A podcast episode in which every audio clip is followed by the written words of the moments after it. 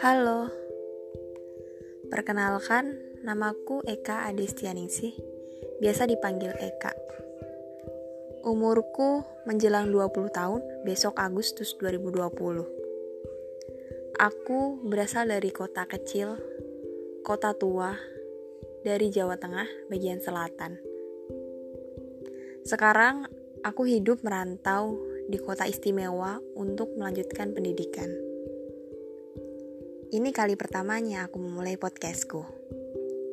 Di sini, aku akan memberikan sedikit tentang pengalaman hidup, bukan hanya dari pengalaman hidupku sendiri, tapi aku harap bisa jadi pembelajaran. Semoga kalian senang mendengarkannya. Salam kenal.